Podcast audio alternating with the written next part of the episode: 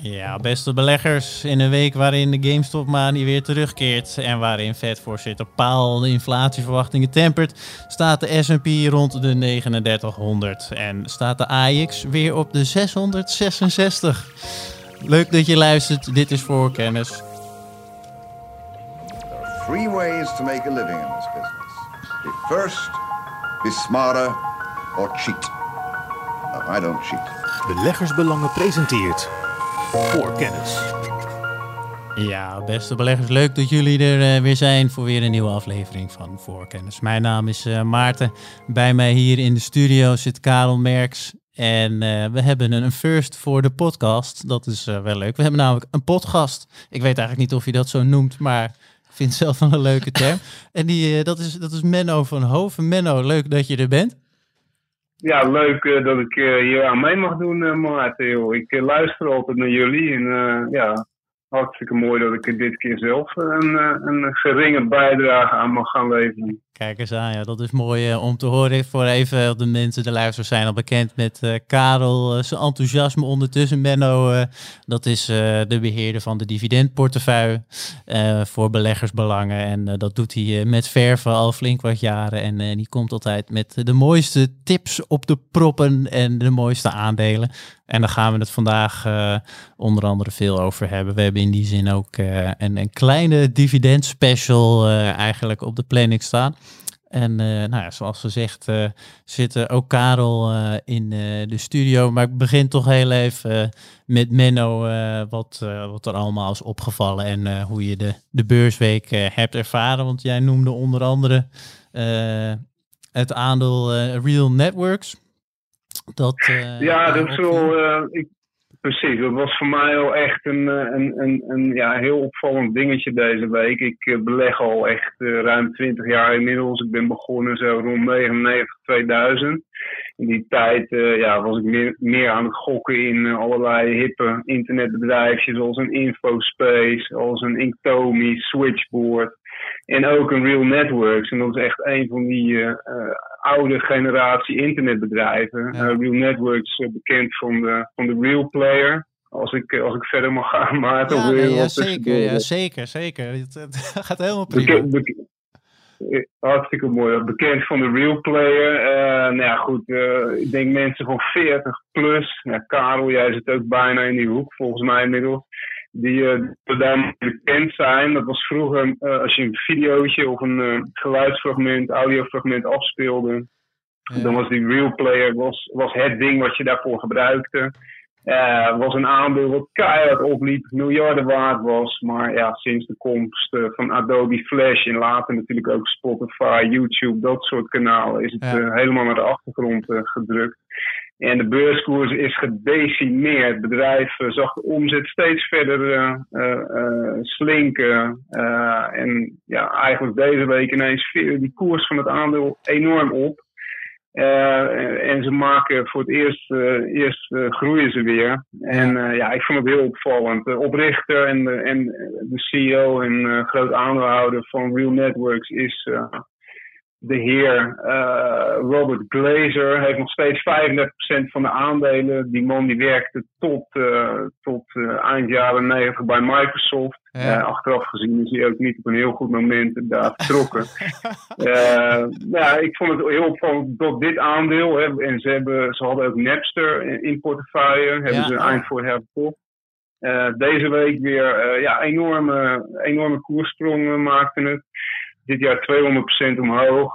ze doen nu nog iets met online spelletjes. En ja, zo zie je maar, een bedrijf wat gewoon een hele dikke kaspositie heeft, dat hebben ze nog steeds. Uh, ja, dat kan heel, heel lang overleven zonder goede business. En ja, uiteindelijk okay. hebben ze toch weer iets in handen waardoor die koers uh, opveert. Ik zou niet willen aanraden om er nu in te investeren, maar het nee, nee, nee, was voor mij wel iets opvallends. Real Networks deze week. Ja, leuk. Ik ken, ken je, ik ken het bedrijf uh, verder niet. Ik ken wel inderdaad de mediaspeler die je benoemde. Ken jij het, Karel, of niet? Het bedrijf kende ik ja? wel en het mediaspeler kende ik ook. Ik had alleen niet verwacht dat het bedrijf de afgelopen twintig jaar had overleefd en nog steeds een beursnotering zou ja, hebben. Dus ik inderdaad. ga na deze uitzending meteen naar de Bloomberg Terminal en ga ik even wat eigen analyse doen. Want ik ben wel uh, nieuwsgierig en ik wil daarom vind ik ook zo leuk om al sinds 2007 met Menno samen te werken. Want elke keer komt hij weer met dingetjes aan en van... hé, hey, dat is ook wel weer leuk om, om in te duiken. Ja, nee, ja, dat is zeker het geval. Ik verbaas me ook altijd als uh,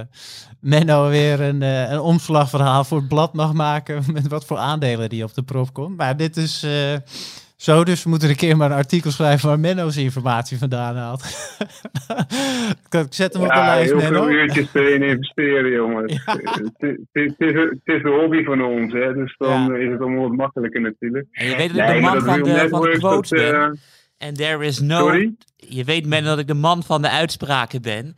And there is no traffic jam on the extra mile. en jij rijdt zeker op die extra mile, dus uh, jij bent uniek. Ja, uh, nee, er wordt hard gewerkt uh, hier. Maar wat Menno zegt, het scheelt inderdaad. Als het een, een hobby is, dan gaat dat lekker makkelijk en snel. hey, Karel, waar, waar heb jij naar gekeken deze week? Eigenlijk hetzelfde als in de afgelopen weken. En alles was weer een beetje meer. Ik bedoel, zoals je weet, Maarten, ben ik een hele grote grondstoffenboel. Ja. En we hebben afgelopen week gezien dat de backwardation bij suiker weer is toegenomen. En dat betekent dat de huidige prijs hoger ligt dan de toekomstige future prijs, waardoor je positief kan doorrollen. En een, een teken is dat er een tekort is op de suikermarkt. De suiker ja. is weer verder omhoog geschoten tot een jaarwinst van 25%. Ja. Zelfde categorie koper. Uh, in de London Metal Exchange, de plek waar de meeste koper wordt verhandeld, zijn de warenhuizen sinds 2008 de laatste super commodity cycle boom nog niet zo laag geweest. Dus de druk op de kopermarkt wordt ook alleen maar meer. Zoals je weet ben ik ook een, uh, een bitcoin boel. Ja, wat hebben we de afgelopen week gezien? MicroStrategies heeft weer een obligatielening uitgegeven en voor honderden miljoenen aan bitcoins gekocht. Square, uh, betalingsbedrijf, bekend van Jack Dorsey, de CEO, die ook de CEO is van Twitter, ja. heeft ook volgens mij deze week 170 miljoen in bitcoin gestopt. Dus het gaat ook alleen maar verder. Daarnaast viel me op wat jij in de intro zet dat de Fed geen inflatie ziet. Nou ja, dat heeft hij letterlijk gezegd. Alleen je moet niet luisteren naar wat hij zegt. Je moet tussen de regels doorlezen. Ja. En geen inflatie betekent dus, we gaan meer stimuleren, want er moet wel inflatie komen. Dus we krijgen de komende maanden nog nieuwe vetprogramma's. En je zag ook die hele beurskoers, die draaien gisteren. Want Amerika begon in de min.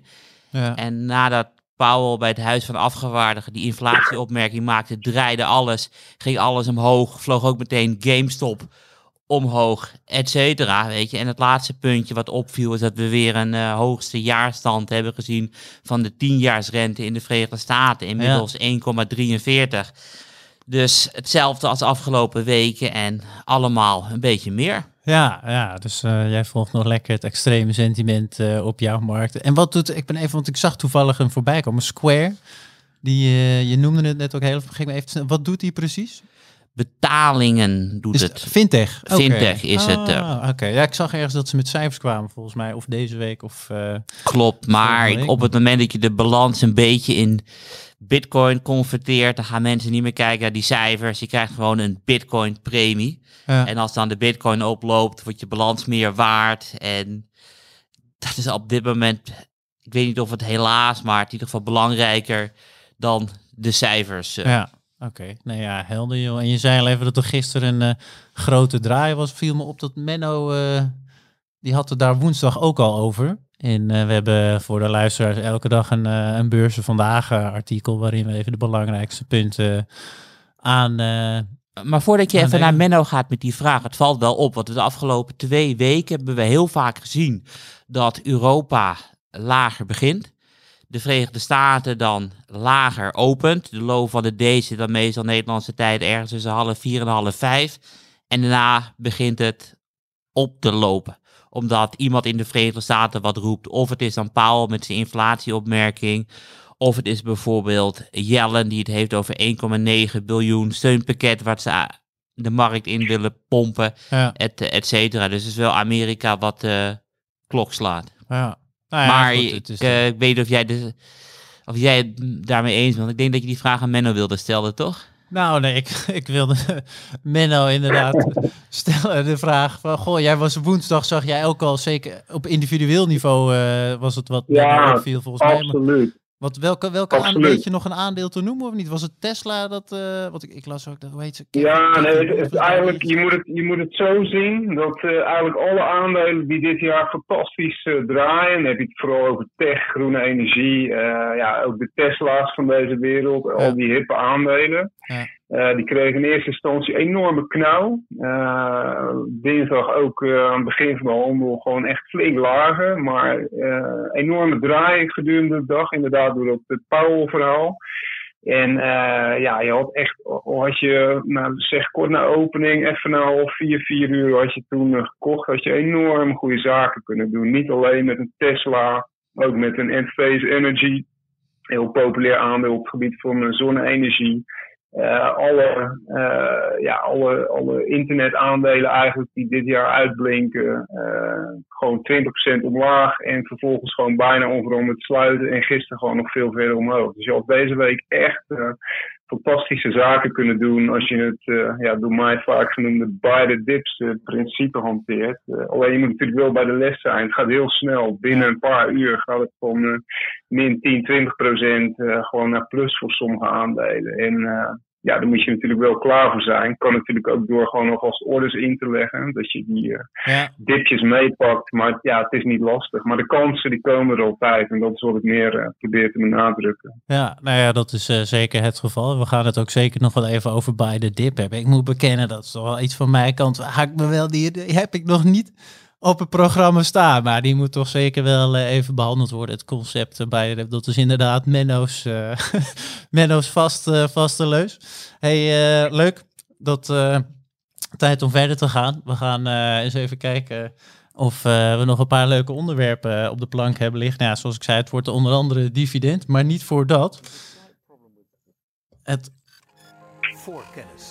geluidje weer uh, voorbij komt. Je drukte gewoon de verkeerde knop in, Maarten. Ik denk, moet ik nou zeggen, wat vorige week deed je hetzelfde. Ik zeg niet, dat, volgende keer roep ik gewoon daarnaast. Hij wordt niet aangegeven. Maar ik, ik, wil beide, het is een ander, uh, van een andere podcast volgens mij die erop staat. Maar gelukkig stond hij niet uh, hard genoeg. En we gaan het om te beginnen...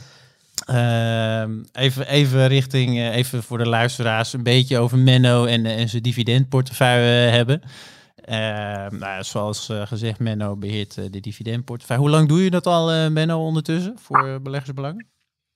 Uh, nou, in september 2011 uh, uh, ben ik ermee gestart. Het was in eerste instantie een omslagverhaal gebaseerd op gewoon aandelen met een groeiend dividend op lange termijn. Ja. En ja, rond die tijd waren we ook net begonnen met een tweetal portefeuilles, offensief en defensief uit mijn hoofd. En ja, dit was eigenlijk een logische derde portefeuille. Dus daar zijn we toen ook daadwerkelijk mee begonnen in 2011. Ja. Eind 2011. En ja, de, de basis is gewoon, of zijn aandelen die een stabiel tot liefst uh, groeiend dividend uitkeren.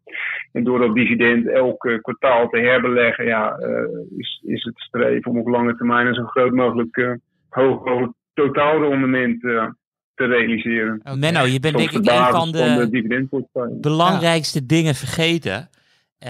en dat was de, de zomer van 2011. Toen werd de Verenigde Staten werd gedowngrade. Ik weet niet meer of het Moody's was of S&P, maar een van die twee. Uh, koersen begonnen sterk te dalen. We hadden uh, Griekenland, de eurocrisis begon uh, los te barsten. Iedereen had het erover van we gaan weer terugvallen naar de dieptepunten van de mondiale crisis. En iedereen was negatief. En je hebt ook in het omslagverhaal geschreven van dit is het ideale moment om gewoon dit soort mooie aandelen op te pakken die hard zijn afgeschaft. En ik vond het echt super stoer dat je gewoon je nek hebt uitgestoken. Terwijl gewoon echt bijna iedereen zeer negatief was in een zeer uh, negatieve tijd. Dat laat ook zien dat jij gewoon een fantastische markttimer bent. En niet denkt van, hé, hey, we hebben defensief en offensief, dus dividend is een logische. Nee, jij zei gewoon, van, ik moet een omslagverhaal schrijven. Van dit is gewoon de tijd dat je dit soort mooie bedrijven moet oppakken. Ja.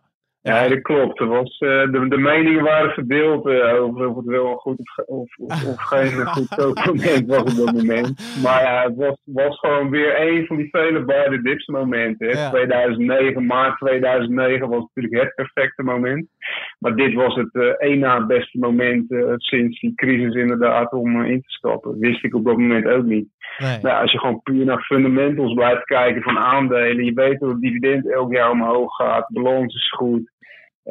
ja, dan moet je er op een gegeven moment in. Als je gaat wachten tot het allemaal weer beter gaat in de wereld, dan ben je te laat. Dus dat is natuurlijk ook wel beleggen. Wat is je favoriete dividendbelegging geweest in die, in die bijna tien jaar, Menno? Oeh, ja, het zijn er vele. Het zijn er vele. Uh, als ik gewoon puur naar de dividendportefeuille kijk. Uh, op een gegeven moment, uh, toen kwam ik met SEB op de proppen, Frans bedrijf. wat onder meer achter de merken Mooninex Tefal zit. Ja. Ik was daar vrij vroeg mee. En ja, sindsdien is het best wel gegroeid. qua omzet is het ook in indices opgenomen. En ja, kom ik wat meer op de radar bij grotere beleggers. En ja, toevallig dat aandeel heeft uh, tijdens, uh, of vorig jaar eigenlijk door corona, dividenden verlaagd. Dat is heel zonde, want dat uh, hadden ze tientallen jaren op rij, hadden ze dat elk jaar stabiel gehouden of verhoogd. Ja. En toevallig gisteren ook naar beurs hebben ze het dividend weer aangekondigd voor dit jaar. Dat is gelijk aan twee jaar geleden, dus voor corona. Maar SRB, ja, dat is wel zo'n aandeel, dat was op dat moment wel afwijkend in de zin dat het een, small cap was tussen alle grote bekende namen. Uh, maar ik heb er natuurlijk nog meer. Uh, vorig jaar heb ik een aantal semiconductor aandelen heb ik, uh, toegevoegd. Ja. ja. waar ik achteraf gezien heel blij mee ben. Teradyne, Monolithic Power ja, die zijn, uh, laat maar zeggen, verdubbeld sindsdien. En uh, staan nu ook op de radar bij veel meer beleggers. Ja, dat zijn de leuke dingen als je relatief vroeg. Uh, en dat was eigenlijk helemaal niet vroeg, Teradyne en Monolithic Power. Maar die zijn nog veel harder opgelopen omdat die ja, semiconductor-markt is natuurlijk booming met chiptekorten. Uh, enorme groeicijfers ook de komende jaren. Ja. Uh, dus ja, dat zijn de leuke dingen, de minder bekende namen die je dan, uh, ja, waar je dan toch een, mooi mee scoort. dat, dat, ja, dat zijn wel de uitblinkers natuurlijk. Die ze schitteren. Ik moest inderdaad, ik weet, je hebt ze volgens mij uit mijn hoofd ongeveer een half jaar geleden toegevoegd aan de portefeuille. Zowel Broadcom als Monolithic Power. En welke zei je ook weer? Teradyne, ja, ja. inderdaad. Ja. En uh, die schitteren meteen vanaf het begin, op de eerste dag na. Als ik me goed herinner, toen was er nog een klein dipje. Maar toch bleek dat dipje weer een mooie koopmoment te zijn. Ja. En je noemde al heel even. Ja, en, en, om daar nog even op in te haken. Want uh, ja, wat, wat vaak uh, bij dit soort aandelen, in dit geval, die aandelen die waren al best fors opgelopen de afgelopen jaren. Maar ja, wat ik zelf ook wel steeds meer zie de afgelopen jaren is een aandeel op een all-time high of op een 52-week high is helemaal niks mee aan de hand. Die komen nog prima in. Hè. Het gaat gewoon vooral om die vooruitzichten op lange termijn. Uh, voorheen uh, ja, meet ik toch wel een beetje de aandelen die, uh, die al hard opgelopen waren. Maar de praktijk is toch een hele goede strategie om vooral die winnaars te pakken, ook al staan ze op een all-time high is niet makkelijk, want je betaalt een stevige prijs. Maar ja, in het geval van die halfgeleide aandelen betaalt zich dat wel uit. Of je er nu nog in moet, uh, ja, voor de korte termijn, dat durf ik niet te zeggen. De waarderingen zijn torenhoog, maar uh, ja, soms moet je even je nek uitsteken. En uh, ja, als het dan goed uitpakt, is dat heel mooi natuurlijk. Ja, ja, mooie dingen kosten geld. En ik weet, we vorige week hadden we een schitterende quote over, over hoogste koersen ooit. Wat was het ook alweer, Karel? Ik weet niet meer, maar ik weet wel dat ik zei van, wees inderdaad wat, precies hetzelfde wat Menno zei. Van het maakt niet uit dat, oh, volgens mij zei ik mooie aandelen noteren vaker wel dan niet op een all-time high. Ja, iets in die trend was Klopt, het inderdaad. Uh, ja. ja Nee, maar ik bedoel, aandelen blijven groeien. Kijk, en op lange termijn is de waardering een heel stuk lager. Op het moment dat je gaat rekenen met de winsten voor 2024 of de winsten voor 2025, et cetera. Kijk, en Menno belegt echt voor de lange termijn en de lange termijn ja. werkt. Want corrigeer me als ik ernaast zit, Menno. Want jij zat volgens mij op uh, sowieso 200% winst of zo sinds 2011? Ja, ik zal het erbij pakken. Ja, dan moet ik het hier toevallig voor me staan. Nu plus 262. Ja, 262, ja. dus bijna 300% rendement. En geld op de beurs verdien je met blijven zitten. Ja, altijd belegd zijn altijd belegd zijn. Want het grootste risico is niet in de markt zitten. Nee, dat blijkt inderdaad. Ja. En het herbeleggen, want hoe groot is dat voor jou als dividendbelegger? Dat is, want dat, dat is een bewuste keuze. Je kan dividendbelegger zijn. Hey, ik, uh, herbeleg niet? Of is dat wel? Ik ben niet zo bekend met dividendbeleggen dat ik weet iedereen doet dat wel of niet. Maar is dat is herbeleggen vaste prik voor elke dividendbelegger, Menno? Of uh, valt er nog over te twisten? Nee. Ja, nee, sowieso. Ik bedoel, het hangt er net vanaf wat je doel is. Hè. We hebben bij beleggingsbelangen ook de hoog dividendportefeuille. Als je ja, dividendaandelen koopt puur voor het inkomen om er van te leven op, op bewijs van dit moment, ja, dan laat je het gewoon uitkeren en uh, ja, dan kun je dat gewoon gebruiken uh, om mee te doen wat je wilt. Maar ja, het mooie van herbeleggen is natuurlijk dat je gewoon elke keer je positie blijft uitbreiden. En als die beurskoers blijft stijgen en het dividend wordt ook nog eens een keer verhoogd, ja, dan is dat gewoon een enorm sneeuwbal-effect. Uh, maar daar kan Karel waarschijnlijk heel veel uh, nog uh, over vertellen. Ja, ik zal er ook ik ben heel, heel, heel, snel tussendoor aan toevoegen. Ik weet inderdaad een artikel bij ons op de website van Ivan, Ivan Snuurder inderdaad. En die heeft er van een voorbeeld vanuit het verleden doorberekend wat inderdaad de toegevoegde waarde is van het dividendherbeleggen. Die zal ik nog wel even in de show notes zetten met, met het beeld met name er ook bij. Het ja, nou, het, is, het, komt er gewoon op neer dat hoe langer je beleggingshorizon, hoe groter de dividendcomponent in je totaalrendement is. Ja. Dus uh, ja, op kortere termijn is het dividend te verwaarlozen. Maar ja, al ga je 20, 30 of zelfs 40 jaar vooruit, ja, dan is bijna het volledige rendement bestaat uit dividend. Ja, is toch dat is, is niet het eerste, als je in ieder geval begint met beleggen, onze luisteraars die zitten al wat verder, maar als je begint met beleggen, ja, is dat toch een aspect dat... dat nee, dat klopt, maar ik, wil, ik weet nog dat ik begon met beleggen. En dividend interesseerde me werkelijk helemaal niks. Want het ging om koerswinst. Ja. Uh, want een bedrijf moet groeien. Maar ja, inderdaad. Weet je, ik weet nog als de dag van gisteren dat ik op een, een researchrapport uh, stuitte van uh, Rob Arnott.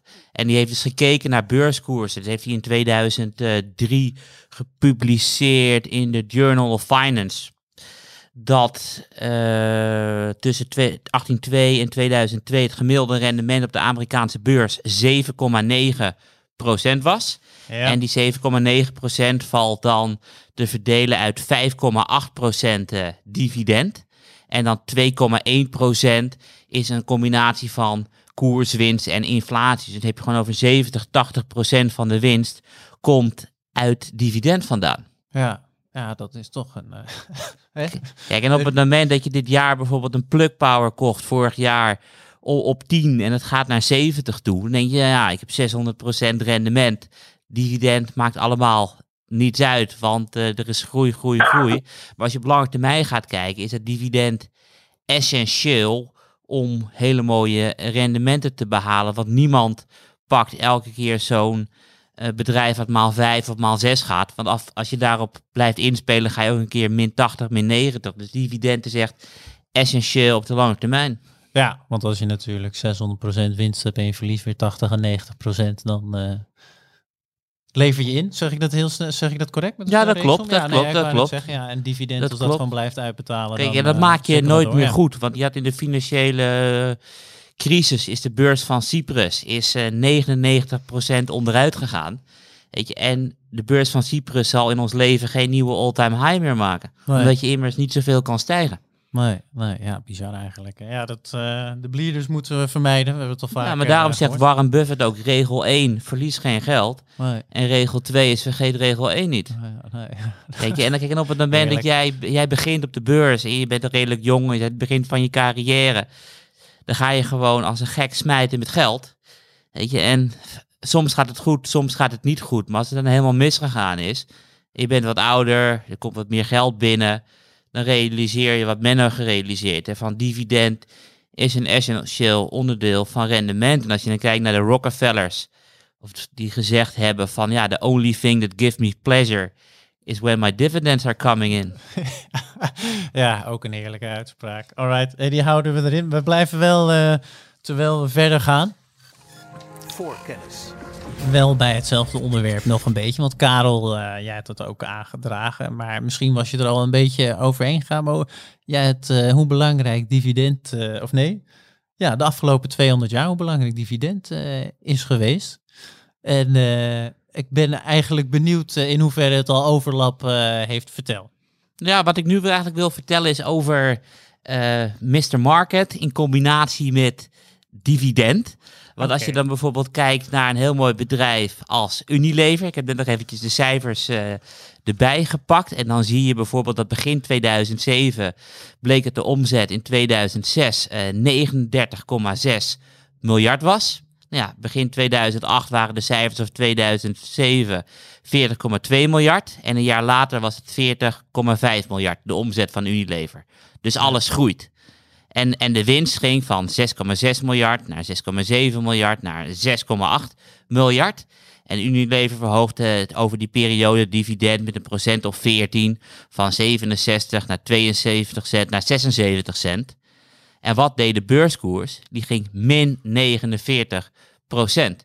Weet je, en Benjamin Graham omschreef het als Mr. Market. Van de markt is manisch depressief. Soms betaalt het veel te veel voor aandelen. En soms betaalt het veel te weinig voor aandelen. Ja. Alleen op het moment dat de markt veel te weinig voor aandelen wil betalen, dan moet je er juist, juist ingaan. En het leuke daarvan is op het moment dat dus gedurende een mondiale financiële crisis bedrijven dividend weten te verhogen, de winst weten te verhogen, de omzet weten te verhogen, et cetera. Dan zie je dat het herstel zoveel sneller is dan de index. Want, in, want Unilever was in 2011 alweer terug in 2008 koersen. En de AX was pas in 2018 weer terug. Dus die had tien jaar nodig. Dus dividend is ook een bescherming voor koersherstel. Ja, en nu, want ze blijven, ja goed, we halen toch een beetje de koersstel. Want ze blijven dit jaar, wat mij bijstaat, een beetje achter. Klopt, maar het, wordt er heel veel mensen wordt dat uh, gezegd. Uh, maar dat is geen Unilever verhaal, dat is een, een sectorverhaal. Ja. Dus bijvoorbeeld het aandeel Nestlé, uh, een concurrent van Unilever, is uh, vandaag ook, of eergisteren, nee, ja, vandaag gezakt tot de laagste koers in de afgelopen acht maanden. Dus mensen willen op dit moment wat minder voedingsbedrijven hebben, want er zijn maar twee sectoren die echt hot zijn. Dat zijn natuurlijk de technologieaandelen ja. en de aandelen die uh, profiteren van de opening van de economie. Ja. Dus denk bijvoorbeeld aan de Basic Fit, et cetera. We gaan we lekker aan de sportschool. En de grondstofaandelen, wat er misschien inflatie aankomt. Maar Unilever niet. En dat zie je eigenlijk heel vaak. Is dat Unilever nooit zo goed presteert. En uh, juist in een crisis veel beter. Waardoor over de hele economische cyclus Unilever beter presteert dan de index. Ja. Want die, eh, je noemde heel even de sector inderdaad. Ik weet dat, dat uh, Menno die volgt onder andere de Node ook. En uh, dat uh, is ja, dezelfde, dezelfde sector toch? Ja. Daar gaat het ook niet zo lekker. Die heeft toch een dividend verlaagd, Menno? Ja, nee, precies. Wat Karel al aangeeft, ja, consumer staples, dat is echt een groot achterblijven dit jaar, ook binnen het dividendportefeuille. Eigenlijk de laatste jaren wel. Uh, ja, de, qua, dividend, uh, Danone die verlaagt om dit jaar. Dus ja, doodzonde. Uh, ze hadden het volgens mijn eigen berekeningen meer dan 40 jaar niet verlaagd. En vorig jaar nog wel verhoogd, ondanks COVID-19 wat ze dit jaar doen is het dividend gewoon weer terugzetten naar het niveau van twee jaar geleden. Waardoor je gewoon dat, uh, ja, die fantastische dividendhistorie om zeep helpt. Ja. En het bizarre is dan van het Danone uh, ja, dat ze het helemaal niet hoeven doen. Ik bedoel, uh, die dividendverlaging besparen ze 100 miljoen uh, euro mee. Ja, dat is gewoon peanuts. Dan kijk je naar die cashflow en de balans die ze, wat gewoon allemaal prima in orde is. En bovendien kondigen ze ook nog eens aan dat ze misschien aandelen inkoop gaan overwegen. Dus uh, ja, dat is wel echt een dompertje voor de dividendportefeuille. Uh, ja, je ziet het ook wat Karel zei bij Unilever. Het is gewoon moeizaam. Unilever volgens mij het dividend ook nog niet verhoogd uh, dit jaar. En vorig jaar ook niet. En dan kijk ik naar Reckitt Benckiser, Britse bedrijf. dividend ook niet verhoogd. Nestlé dit jaar 1, 9% erbij. Dus ja, het is gewoon een lastige sector op dit moment. Veel uh, concurrentie van huismerken.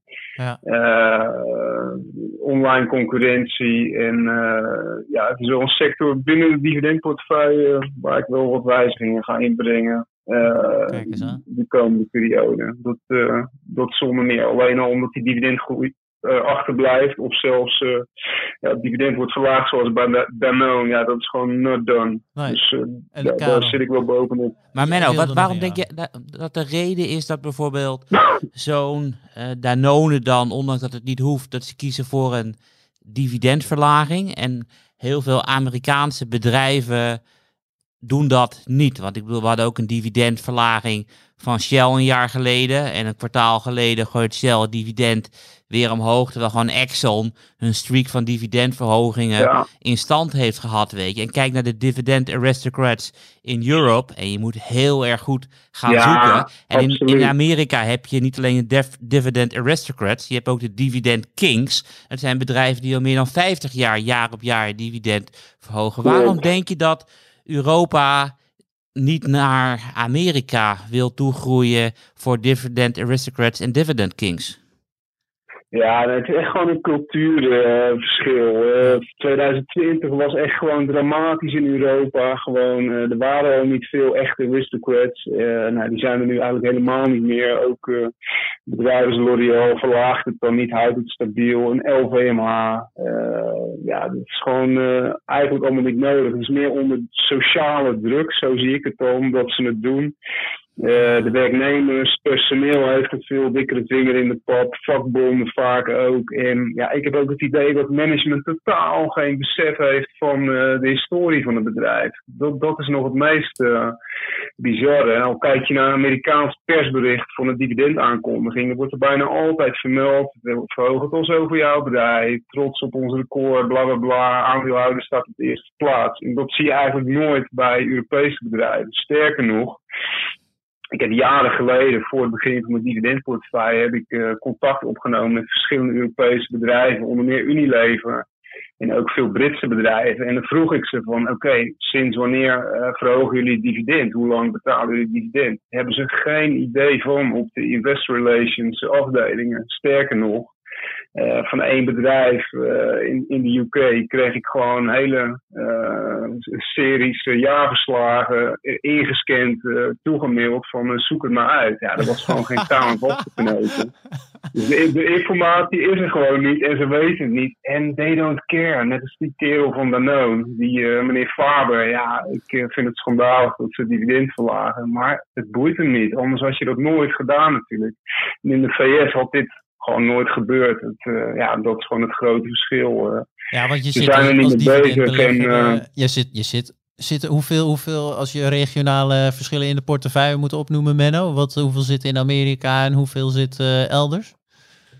Ja, op dit moment, ik pak het gewoon even bij hoor. Dan heb ik het gelijk. Uh, het zit nu 62,2% in de Verenigde Staten. Ja. En uh, ja, ik zeg ook wel vaker, het liefst had ik gewoon 100% in Amerikaanse aandelen belegd. Vooral na 2020, echt een dramatisch jaar. Echt ja, zoveel aandelen die hebben verlaagd of uh, een eerder voorgestelde verhoging hebben ingetrokken.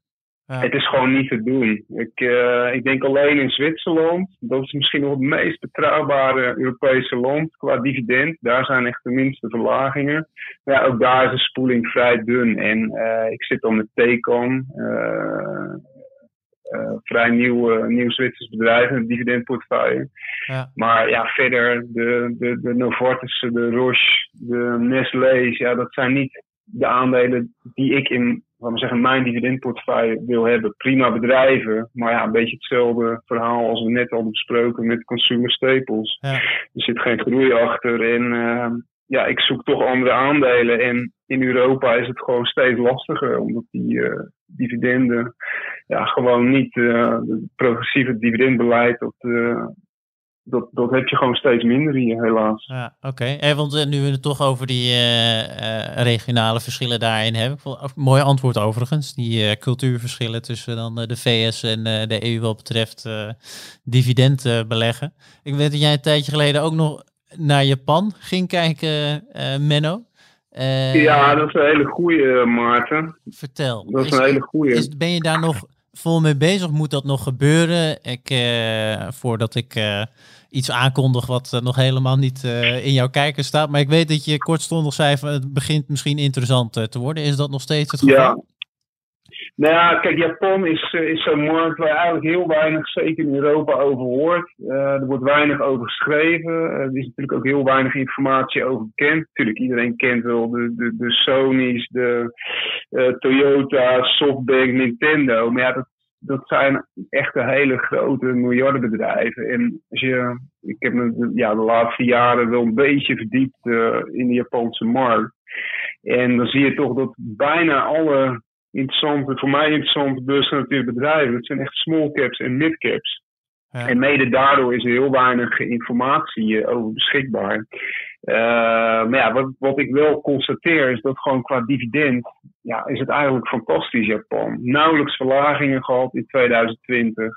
Uh, ja, sinds een aantal jaar is er veel meer uh, focus op het creëren van aandeelhouderswaarde. Uh, onder meer ingegeven door toenmalig president Abe.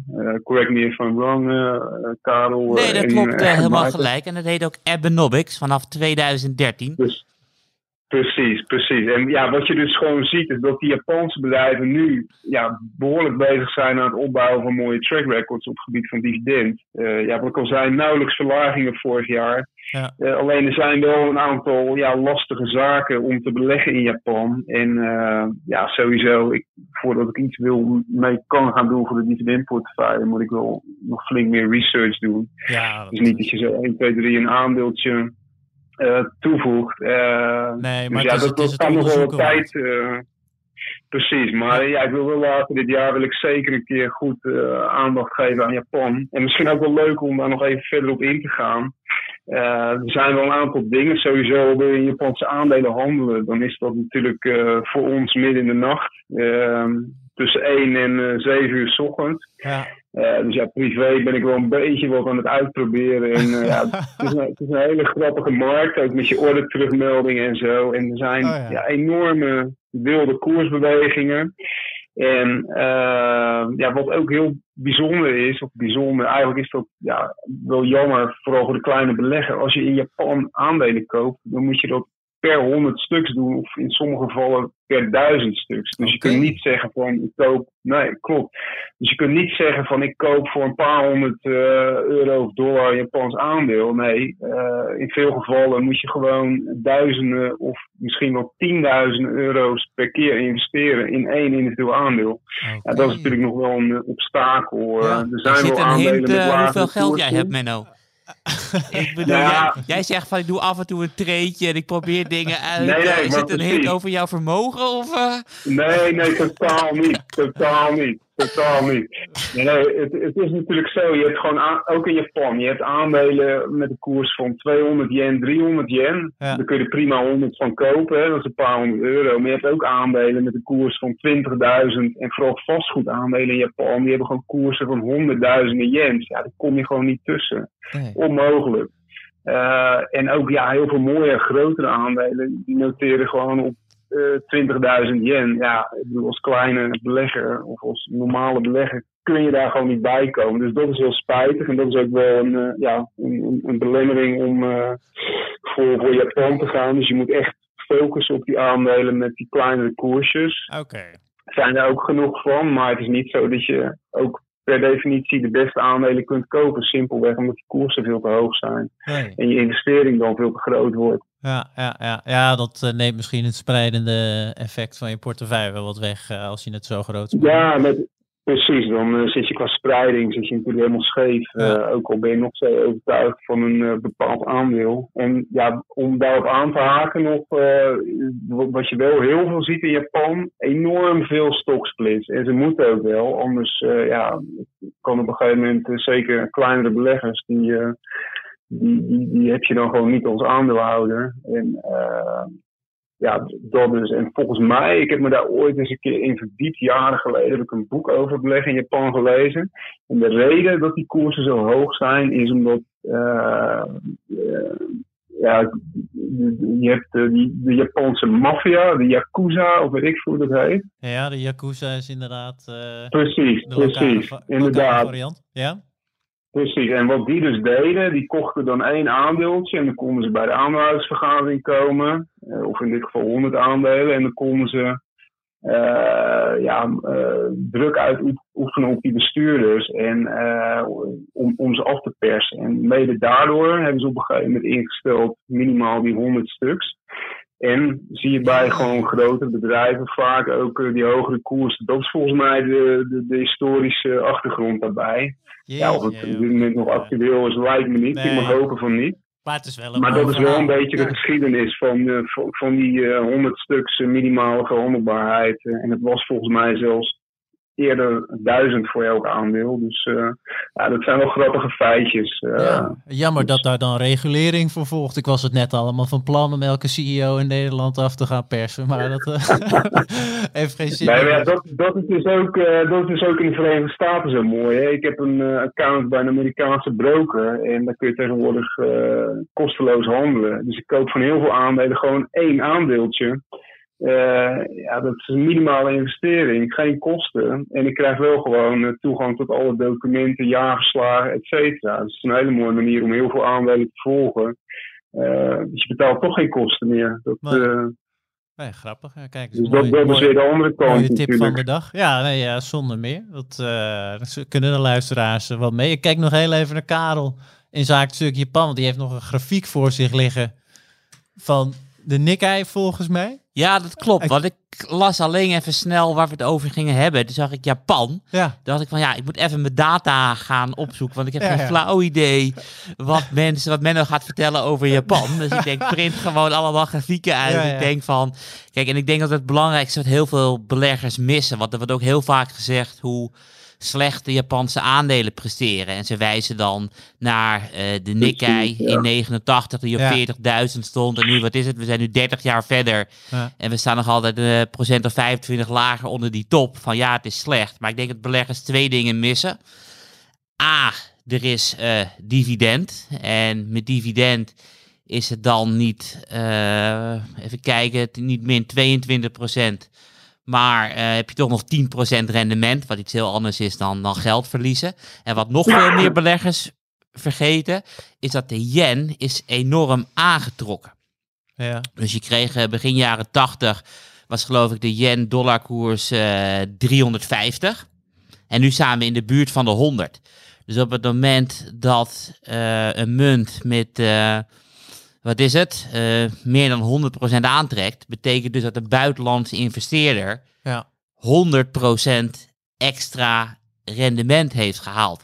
En want de Japanse munt is van afgelopen uh, tientallen jaren wereldwijd de best presterende munt, omdat zij heel veel jaren van deflatie hebben gehad.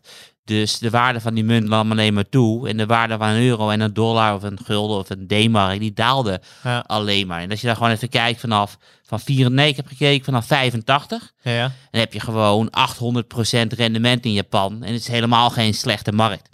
Dat, Nee joh, dat zijn, er zijn mensen met slechtere rendementen geweest. Ja, nee, klopt. Maar ik bedoel, heel vaak denken mensen, er is niks te verdienen in Japan. En je hebt gewoon 800% gehaald sinds 85. Nou ja, leuk joh. Ik wist, uh, als had ik van tevoren geweten dat dit uh, zo'n Japan-thema zou worden, deze uitzending. Uh, daar hadden we er weer op ingespeeld, maar leuk. Ik, ik ben ja, benieuwd en, wat er en, als ik nog, jullie kant. Ja, het zeker Menno. Als ik er nog uh, om Japan voor het eerst door de 30.000, of de Nikkei 225 dan voor het eerst door de 30.000 punten grens. En wat Karel zei, staat inderdaad nog wel ruim onder het record van 1989. Ja, dat is natuurlijk appels met peren vergelijken. En uh, ja, er zijn gewoon zoveel mooie bedrijven. En uh, het interessante van Japan is vooral ook, je zit vlak bij Azië. Dus al die bedrijven, de beste, mooiste bedrijven, die, die, die uh, zijn niet op Japan zelf gericht op veel van de mooiste bedrijven, maar juist op de regio, uh, China, uh, Taiwan, uh, nou ja, alle emerging market, markets daar aan de buurt. En die zitten natuurlijk veel dichter bij het vuur dan een Europees bedrijf dat daar actief is, of een Amerikaans bedrijf dat daar actief is. Dus dat zijn ook dingen die je natuurlijk niet moet vergeten. Heel veel omzet wordt gewoon buiten Japan gegenereerd. Ja. Ja. En uh, ja, je hebt gewoon ook multinationals, maar het, het merendeel dat zijn toch nog echt de small caps en, uh, en de mid caps. Uh, ik wil er even heel snel twee dingetjes uh, toevoegen. en, en de eerste is dat we in Japan natuurlijk een fantastische koper hebben. met onbeperkt uh, kapitaal in de portemonnee. Het is de centrale bank van Japan. Die heeft gewoon aangegeven van we hebben aandelen opgekocht. We zullen aandelen blijven kopen, et cetera. Dus dat geeft opwaartse koersdruk. En daarnaast is Japan een land wat heel weinig aan immigratie doet. En het gevolg daarvan is dat eh, de babyboomers eh, aan het overlijden zijn, waardoor de Japanse bevolking gewoon flink aan het krimpen is. En dat betekent waarschijnlijk dat Japan vol gaat inzetten op kunstmatige intelligentie en robotisering. En wij in Europa en Amerika zijn bang dat de robots uh, banen zullen vernietigen. En Japan zal alles omarmen, omdat ze gewoon meer arbeid nodig hebben, waardoor ze misschien wel heel sterk kunnen presteren met uh, robotisering en daar echt een voorloper op zullen worden en of blijven, waardoor die bedrijven misschien wel hoge productiviteitsgroei zullen meemaken met dito aandelenkoersen. Ja, nou kijk eens aan. We gaan het meemaken. Ik, uh, het is duidelijk wat we regionaal uh, een beetje welke kant we op gaan uh, bij beleggersbelangen. In ieder geval vanuit twee redacteuren.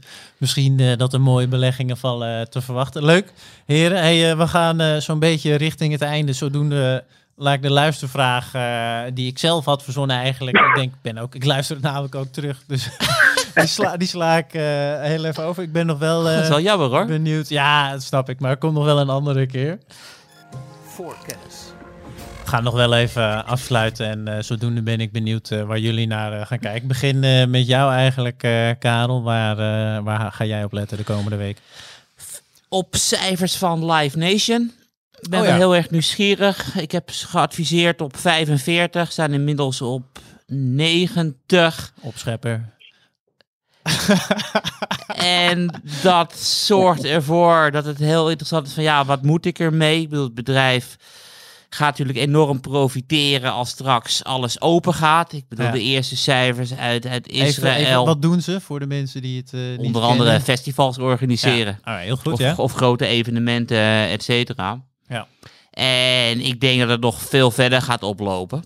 Dus ik ben, uh, ik, kijk er met spanning naar uit. Alright, goeie. Nou, ik ben heel benieuwd. En Menno, jij, waar uh, kijk jij? Ik weet dat jij uh, komt onder andere met een, met een mooi artikel over Nederlandse dividendaandelen binnenkort. Dus ik vermoed zomaar ja. dat jij daar de komende week mee bezig bent.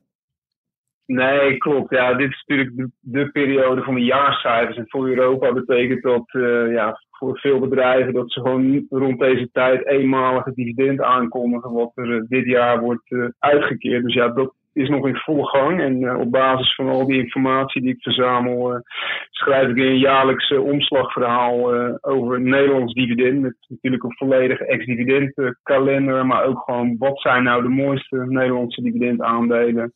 wat zijn de meest opvallende verschuivingen?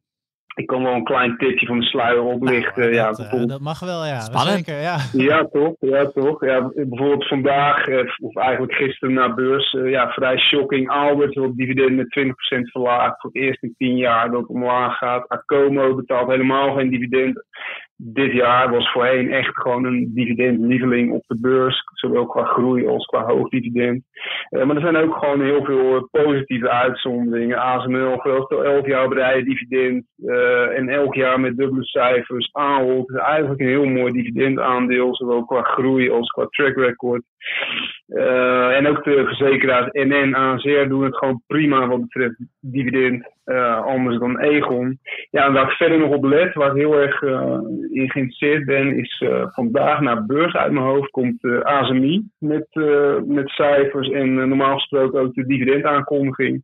Ja. ja. en dat is wel het knalaandeel van de laatste jaren in Nederland qua dividend. Gemiddeld over de laatste vijf jaar 20% per jaar verhoogd. Um, nog beter dan een ASML. En het aandeel doet het ook beter. En dat is uh, ja, niet zo verrassend voor mij. Uh, ja, dus, dus ik ben heel nieuwsgierig. Die komen naar beurs uh, met cijfers en dividendaankondiging. En ja, dat zal wel weer allemaal Hosanna zijn. dat schat ik zo in.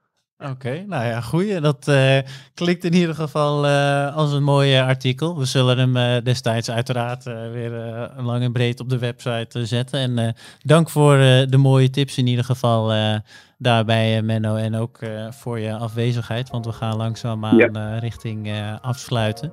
We hopen, yes. Menno, dat je er weer een keertje bij bent. Wanneer Stefan... Ja, zeker. Joh. Hey, anytime, jongens. Nodig me uit. Ik vond het hartstikke leuk. Alright, super. Hey, dan zeggen we tegen de luisteraars tot volgende week.